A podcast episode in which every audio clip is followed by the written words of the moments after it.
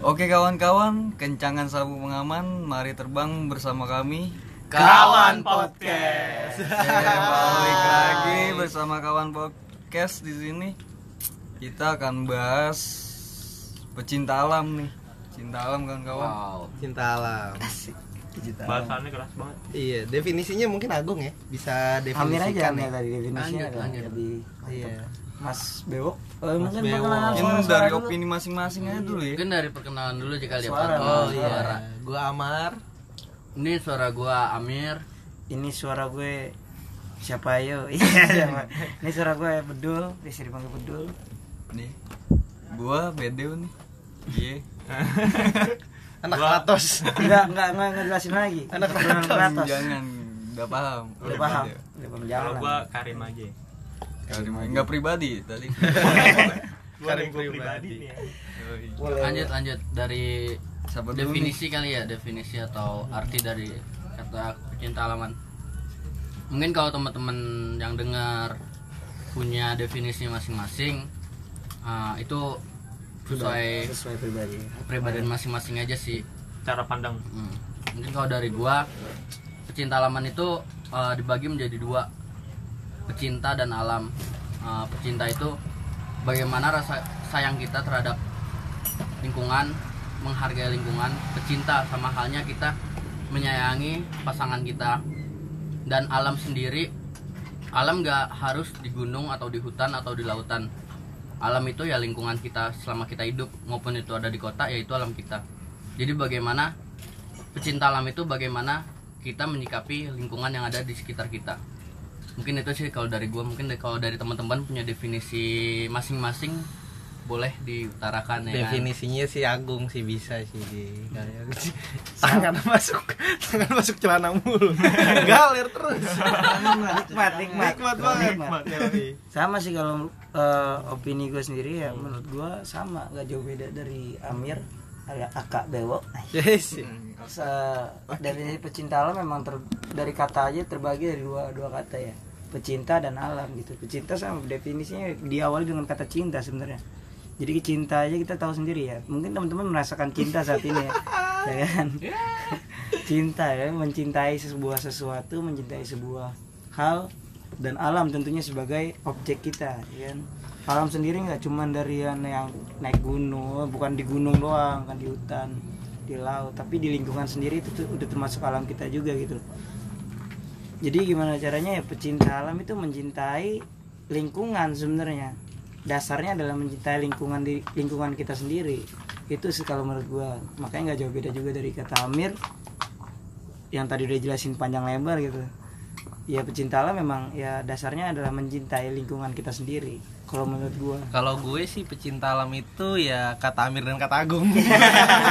lanjutin lanjutin Iya, jadi gue kopas aja. Iya. Daripada kepanjangan. Iya. Iya. Jadi lucu loh sebenarnya. Padat dan jelas. Pecinta alam itu sih sebenarnya nggak perlu repot-repot ya. Mm-mm. Eh, nggak perlu panjang kali lebar bagi dua sih ya. Selama lu masih dekat dengan alam ya itu lingkungan lu ya lu rawat dan jaga aja sih. Bukan alam badukun ya. Ini alamnya alam. Alam. Alam raya. Alam raya. Semesta raya. Iya. ya semua stok enak Iya. Gue maunya mau nyela aja. Mau nyela aja lu. Lanjut, lanjut, lanjut. Iya. Tadi ini Karim kayaknya mau ngejelasin hal baru. Kalau dari gue sendiri sih pencinta alam itu ya sama aja gitu loh. Cuman ini kan cara pandang pribadi masing-masing. Kalau dari gue sih eh, pencinta alam itu ya lo jaga alam eh, khususnya di alam sekitar lo. Terus ya lo sebagaimana kita hidup di bumi, lo kan selalu berdampingan nih sama alam ya kan. Ya lo jaga lo rawat lah kalau bisa sebisa mungkin lo kayak gitu. Karena pasti kita eh, dari pribadi masing-masing pasti punya salah lah ibaratnya merusak alam atau gimana gitu. Kayak gitu sih. Apaan? gua nggak mudeng dong. Nggak Ide mudeng. gitu sih. Iya, intinya gitu. Intinya gitu. Lanjut lanjut. Tapi kalau dibongkar sedikit nih pecinta alam, eh, ada ya organisasi organisasi yang eh, dasarnya pecinta alam ada banyak banyak. Banyak. contohnya apa ada dari mungkin kalau di ranah sekolah kita bisa sebut sispala ya Sispala ya, Ada siswa Sispala, pecinta alam benar. ada ekstrakurikulernya di beberapa di beberapa sekolah gitu. Hmm. Terus untuk di jenjang kuliah sendiri itu ada mapala ya Mapala, ma mahasiswa pecinta alam atau mungkin ada juga sebutannya KPL ya. Komunitas pecinta lingkungan. Biasanya ada Oh, di itu komunitas di ranah kuliah tuh ada. komunitas pecinta tapi alam sama gitu gak ya. sih sebenarnya itu kom- pecinta Ya, iya, lingkungan sama selain itu juga ada lagi mau di umum. Di umum. KPA.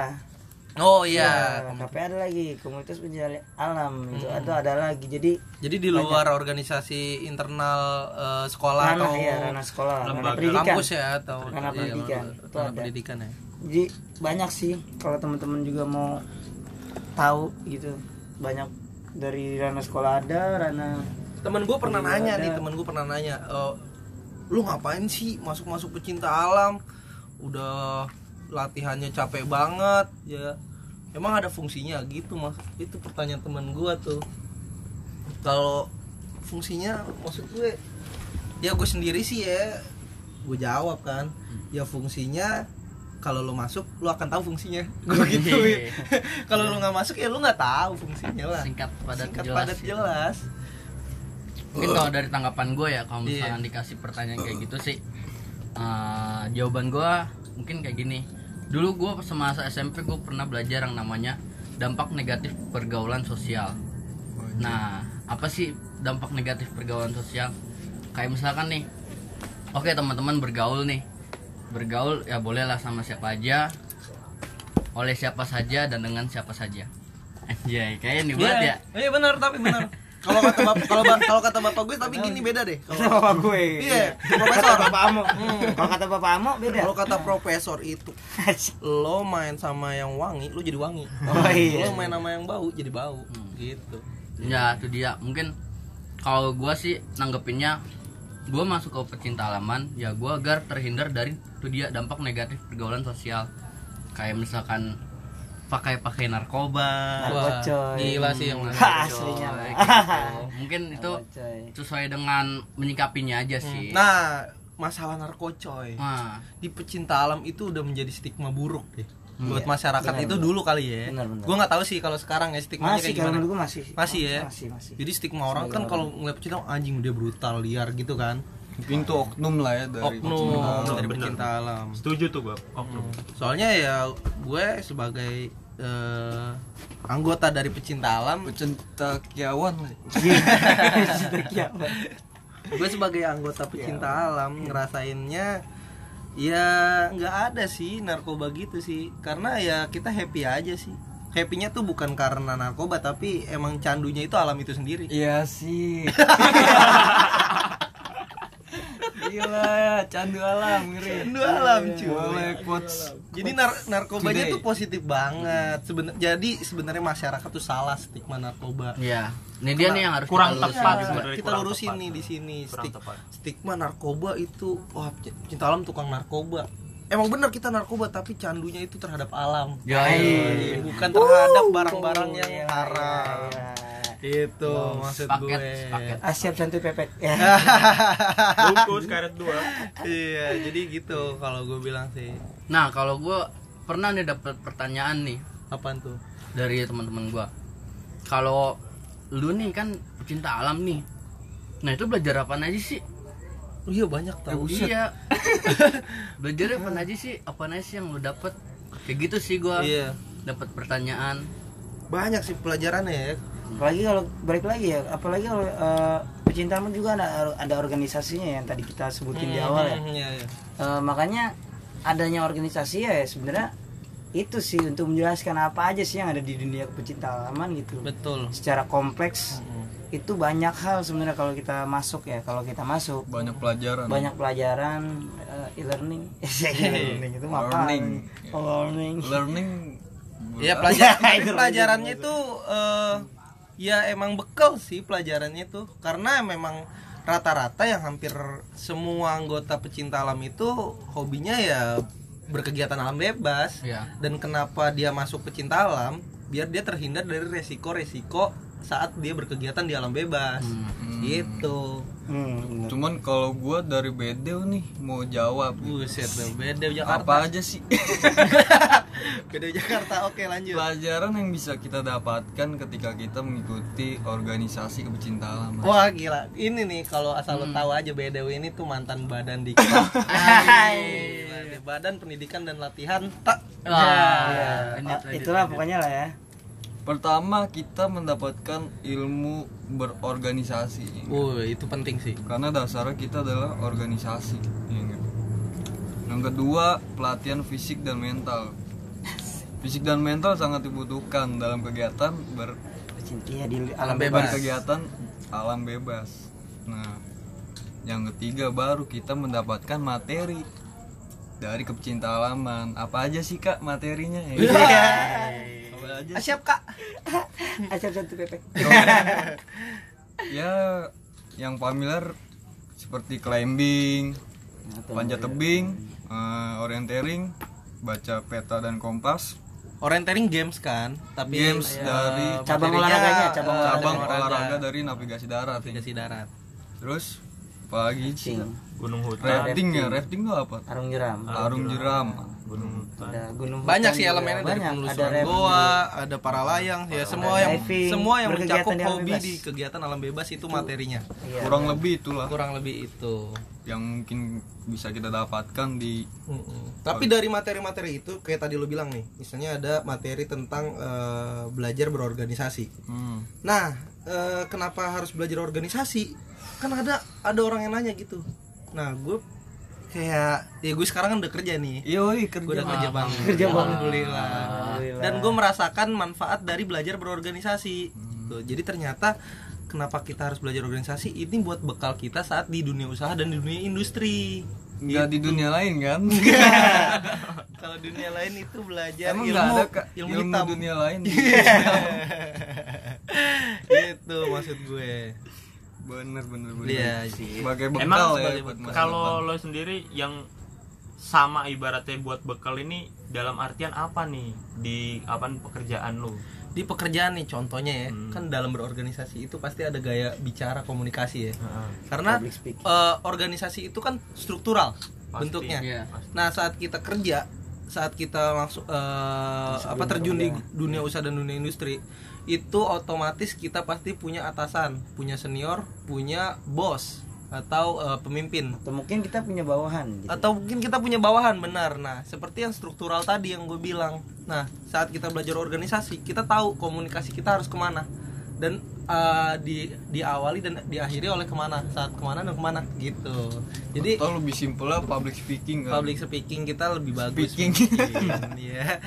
Iya, enggak bukan public speaking sih, tapi nih. lo tahu aja jadi lo Alur alur koordinasinya. struktural komunikasinya ke mana gitu. Hmm. Dan lo ngerti cara berhadapan Iya. sama orang lain gitu. etika ya Etika itu, etika. iya. etika berkomunikasi lah ya Iya, apalagi kan kalau waktu berorganisasi itu lo ngurus banyak banget kan, apalagi banyak saat berorganisasi tuh divisi-divisinya kan beda-beda. Iya. pasti itu Nah, lo bisa Sesuaikan aja masing-masing. uh, lo menyesuaikan di tempat kerja lo. Lo misalnya lo saat jadi uh, di saat belajar berorganisasi lo dap kedapetan menjadi bendahara. Saat lo terjun di dunia usaha dunia industri, lo akan lebih bisa mengontrol atau mengorganisir segala macam yang keterkaitan dengan bendahara gitu. Iya. Jadi ya, ya, manage duit selain manage duit atau apa nah itu bekal banget sih kalau menurut gue tentang organisasi ya setuju setuju ya Bener jadi juga sih. Cuman eh, gue mau nanya nih, eh, Amo, Apa dulu apa sih jabatannya di struktur organisasi kamu itu? oh waktu gue ya, jadi anggota pecinta alam gue jabat sebagai divisi eh, kepala badan gunung dan hutan Wow. Yo, menarik sekali. Menarik itu. sekali. Apa sih kak? Iya. Boleh dijelasin? tentang mountaineering sih Oh, lebih ke mountaineering. tapi gue bukan anak gunung banget Mountaineering tuh apa sih kak? Mountaineering tuh hutan dan gunung kak. hutan dan iya. gunung. Apa hutan, aja hutan dan itu? gunung tuh tentang lu belajar survival, bivak, Survival. atau lu belajar mencari makanan atau mencari air, lu belajar tentang eh, ritme pendakian, latar belakang pendakian medan segala macam sih. Monitoring kan luas. Apalagi dia mencakup juga ke navigasi darat. Jadi eh, hutan dan gunung itu suatu kebanggaan udah gue dapetin selama gue berorganisasi. Karena di situ gue jadi ngerti banget hobi gue bisa menghasilkan yo iya Gitu sih. tuh yang diinginkan banyak orang adalah hobi yang dibayar ya. hobi yang dibayar Pastinya itu. gitu Nih ada nih saudara kita nih, Wagung. Wagung. Alias Alias bedul-bedul. bedul. bedul Yang sering banget nih menghasilkan dari hobinya. wih bisa dikasih contoh nggak sih kak gimana tuh awal mulanya tuh? wih jadi pelebarannya banyak Yoi. ya selain fungsi materi itu untuk usaha industri Hmm, fu- fungsi dari materi itu juga bisa menghasilkan Usaha, uang ya. sendiri setuju. ya. gila. Banyak sih kalau keren. gitu. sih. Kalau kita ini sih banyak sebenarnya keuntungan ya. Kalau gue lebih lebih nyebutnya sih banyak keuntungan ya, dibanding kerugian ya. Kerugiannya mungkin enggak sih. Kalau paling waktu. Kalau biasanya kalau kita anak-anak organisasi itu karena basic kita rata-rata di sini kita dari sispala ya dari sekolah juga dulu eh, banyak sih keuntungannya. Banyak banget kalau gue sebutin kita bisa sampai pagi. Banyak. Coba sebutin banyak aja. contohnya Iya. aja lah yang Ya, yang mungkin- bikin menarik mungkin boleh ya. menariknya itu ya mungkin dari keuntungan ini ya. Segi apa ya? Aduh apa ya? Saking banyaknya gue bingung nyebutinnya nih. Iya Bingung dari finansial lo ya. Ya kalau finansial itu ya kita realistis semua orang bu- butuh duit. Iya.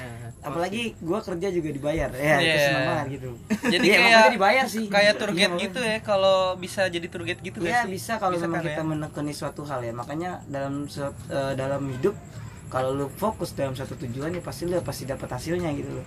Nggak mungkin enggak kalau di dunia pecinta alam mungkin sebagian teman-teman kar- karena pecinta alam kalau bisa bisa kita lihat rata-rata ya lebih terindikasikan oleh naik gunung ya iya ya kalau kalau gue sendiri fokusnya memang ke naik gunungnya itu ya ke di hutan gunung ya udah gue mengambil kesempatan di situ kalau menurut gue gue ada keuntungan ya kan gue punya basic gue punya skill kenapa nggak gue manfaatin ya kan? Iya. ya udah gue bikin aja kan Iya. ya adalah jadi trip-trip terjun gitu. ke dunia pariwisata iya ya. dunia pariwisata masuknya gitu Mm-mm. itu sih kalau keuntungan dari segi finansial selain itu mungkin kalau segi keuntungan dari keolahragaan ya ini kita bisa bahas banyak hal sih sebenarnya. Oh iya apalagi panjat tebing kita tuh Iya, ya juara satu tebing, ya. iya, udah masuk Eh, Asia ya? Asia ya. Asia juara satu Asia Dunia, dunia, dunia ya? Oh iya. Siapa Iya, namanya. Eh, siapa? Si- Pokoknya itulah cewek. itulah. oh Ari Susanti ya? Ah. Oh, iya. Nah Susi Susanti. Itu- oh itu badminton. Prestasi banget sih tuh eh, siapa Mbak Ari Susanti itu udah bisa bawa eh Nama panjat Indonesia. tebing ya. Iya. Banyak sih kalau untuk cabang olahraga sendiri bahkan lebih banyak cabang olahraga ya dibanding ke pariwisata. pariwisata ya. Kalau olahraga sendiri itu kita bisa sebutin ada kayak panjat tebing. Di situ sendiri ada ya perlombaannya gitu udah mencapai tingkat internasional. Sama di ada juga orienteering yang kebetulan gue juga masuk sebagai salah satu pengurus di federasinya gitu loh. Hmm. itu juga eh, basicnya awalnya rata-rata ya dari pecinta alam juga karena kita ada navigasi. Biasa anak-anak navigasi itu masuk bisa pintar lari pintar baca navigasi udah. Baca peta baca kompas peta lah ya. kompas lah di situ bisa masuk. Terus kalau juga baca ada hati wanita, ya, itu beda lagi tuh Iya, bahasannya. bucin banget lau iya jangan dibahas di sini lah podcast Iya. yang lain aja. Episode lain aja. Intermezzo. Iya, intermezzo. intermezzo. Selain itu kan dari orienteering panjat tebing juga ada ya. Eh, arung jeram sendiri ada ada perlombaannya Indonesia juga salah satu jagoan Ais, Pertu juga ya kan di dunia perlombaan arung jeram gitu. Banyak sih. Selain itu juga ada ada pasti ada yang lain lagi yang pas yang gue belum tahu tapi intinya banyak keuntungan ketika lo mau masuk ke organisasi pecinta alam. Dari tingkat sekolah tingkat uh, kuliah tingkat umum pun bahkan gitu nggak menutup kemungkinan gitu.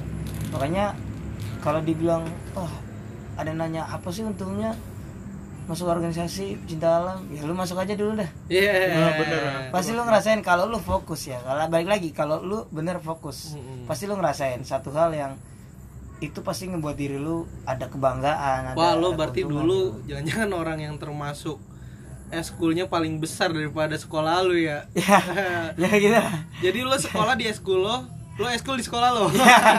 jadi ibarat kalau gue dulu tuh nganggap ya udah ekstrakurikuler gue sebagai pecinta alam ya udah itu itu pelajaran gue gitu loh Iya. sedangkan sekolah yang ini jangan dicontoh mungkin ya ini kalau bagi gue sendiri kayak gitu sih gue nganggapnya ya ekskul gue ya sekolah sekolah gue ya ekskul gitu Waduh. iya itu kalau bagi gue tapi Iya. teman-teman Tapi banyak yang kayak gitu. Iya, banyak. Iya, yang kayak gitu. karena banyak. memang nggak tahu balik lagi kalau ini kita bisa bahkan ngomongin ke, ke ranah pendidikan ya Ya, tapi karena mungkin kalau menurut gue sih ya karena mereka hidup di situ. bener Lebih, hidup, lebih gitu. hidup dibandingkan lu belajar secara formal ya Sampai gue bi- dibilang sama orang tua, gue males banget lo belajar, tapi giliran eskul aja lo Iya. rajin. Iya. Gituin cuy. sering pasti gue pengen jadi gue pengen bilang gitu "Eh, sebenarnya saya nggak malas bu gue gituin sebenarnya gue pengen bilang kayak gini sebenarnya saya nggak malas bu tapi saya nggak suka apa yang saya kerjakan Iya, iya.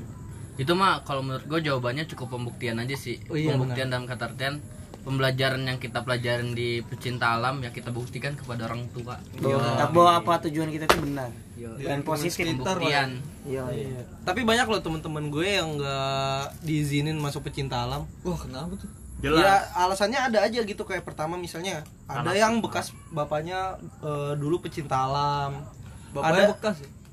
Iya, maksudnya anggota pecinta alam juga bapaknya atau ada yang nggak diizinin karena takut nih anaknya naik gunung terus gitu.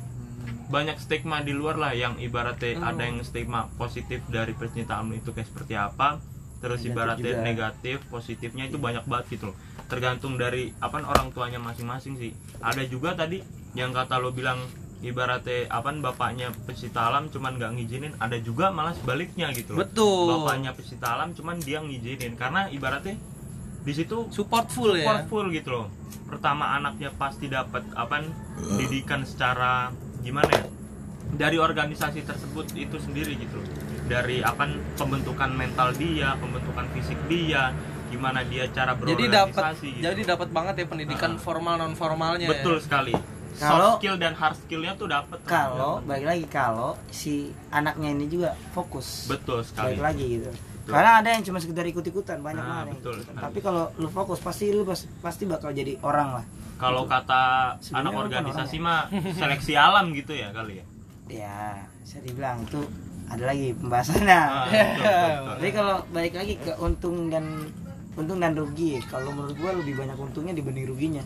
jelas Justru selain lu masuk pecinta alam itu eh, dari segi finansial lu bisa untung gitu. Kalau lu bisa memanfaatkannya dengan baik, lu juga bisa untung dalam segi kehidupan, men. Banyak yang bisa lu ambil pelajarannya ketika lu masuk organisasi pecinta alam. Yang gua rasain sih sekarang ya alhamdulillah dari kemandirian sendiri gua dapat gitu loh. Mental alhamdulillah juga ya walaupun udah sering ya adalah caci maki gitu. Masih bisa gue tangkis gitu terus juga dengan cara nggak itu susah loh untuk public speaking sendiri ya. Ini gue alhamdulillah bisa pinter ngomong juga kayak gitu gitu masuk organisasi. Iya. banyak lah intinya untuk keuntungan sendiri gitu bahkan sampai gue bisa masuk ke federasi olahraga gitu loh ya itu juga karena awalnya gue masuk organisasi pecinta alam gitu. Jadi ada loh juga loh temen gue yang nggak masuk pecinta alam, dia bisa ngebuktiin, bisa melakukan pembuktian terhadap orang tuanya tanpa harus masuk pecinta alam.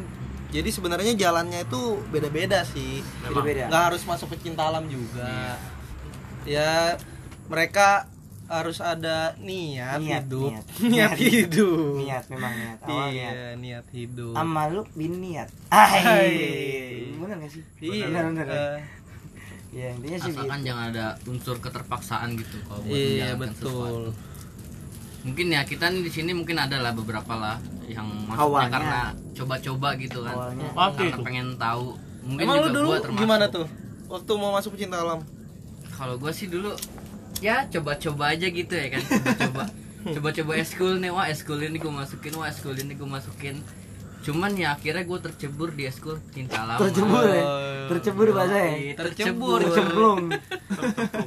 karena udah setengah ngoyor ya mau Setengah mau ngoyor. kan ber- berenang ya kan Ngoyor itu apa ya? ngoyor tuh ibaratnya lu apa menceburkan diri gitu oh, oh iya. udah udah basah kuyup lah ibaratnya Ba- bahasa mana ngoyor nah itu bahasa bahasa gue sendiri tuh Oh, dari iya. Karim Karim, siap. Karim.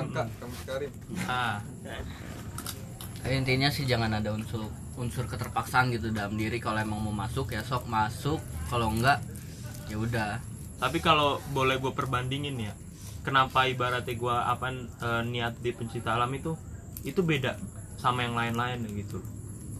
Yang ibaratnya eh, hanya cabang olahraga itu mereka tuh cuma satu atau dua kayak gitu. Eh, ter- terfokusnya. Tapi kalau pecinta alam itu cakupnya luas luas banget gitu. Makanya gue tertarik buat ngulas apa pecinta alamnya itu sendiri apa aja sih emang ada yang di dalam gitu Oh ya mantap Kayak juga gitu nih kebetulan nih yang barusan ngomong tuh lapis dua. Eh, Yeay. lapis dua di Lapis bidang dua. panjat tebing ya itu wes keren juga nih. sebenarnya kurang tepat ini karena takutnya juga didengar tempat ya. tempat Maning. maning maning. iya Manis. karena takutnya didengar dengan apa orangnya ini Orangnya siapa? orangnya eksplisit gitu Iya, iya, iya. gitu sebenarnya ini baru masuk seleksi doang gitu Seleksi ya. Eh, masuk seleksi terus di dalam ini masih proses gitu lah untuk menjadi seorang apa Atlet. atlet kayak gitu nah di tengah-tengah Jadi menurut lo cinta lo berfaedah? berfaedah banget Berfaedah. Sangat berfaedah. Banget. Oke, berarti ya mau gimana pun saat ini gue bangga menjadi pecinta alam. Gue juga pasti. Wal sangat walau walau masih dalam proses ya kan? Maksudnya proses tuh ya masih sering kita kadang-kadang juga melalaikan lingkungan kita sekitar. Pasti. Tapi setidaknya eh, kita mempunyai ada rasa lah. Kita lebih dikembangkan ya namanya dari pecinta alam kita juga dikembangkan gimana cara kita mencintai alam. Walau kadang kadang suka teledor. Iya. Tapi segimanapun caranya ya kita juga pasti menyesuaikan sih. Selalu ya memerhatikan lingkungan kita sekitar. Itu sih sebenarnya mungkin pecinta alam sendiri definisinya luas kalau menurut gua. Nggak cuma lu harus luas banget. gunung hutan segala macam gitu. Tapi lu lingkungan lu sendiri lu bisa disebut sebagai pecinta alam kalau lu bener-bener memerhatikan gitu ya. Kayak ya dari lu nggak buang sampah sembarangan aja gitu loh. Ya gue bisa nyebut ya mereka juga pecinta alam. Karena Betul. mereka peduli gitu loh. Terhadap lingkungan. iya terhadap lingkungan mereka sendiri. Dengan lu nggak ngebuang sesuatu sembarangan? Nggak ngebuang sampah nggak ngebuang ya, itet ya sembarangan. Ya, gua rasa- Oke. itu bagian dari pecinta alam lah ya. Sama ini sih gue nambahin satu kali ya. Eh, ada sih keuntungan bagi gue bagi gue pribadi khususnya. Itu dampak positif bagi lingkungan. Jadi eh, di lingkungan gue ini ya alhamdulillah sih mengetahui gitu kan kalau gue itu sering berkegiatan di alam. Jadi kalau misalkan ada kegiatan-kegiatan apa-apa kayak misalkan di Karang Taruna di ruang lingkup RW RT ya alhamdulillah sih eh, cukup dipanggil gitu. Alhamdulillah. Coba nih coba dijelaskan nih dipanggilnya dalam rangka apa nih? Cukup dipercayai.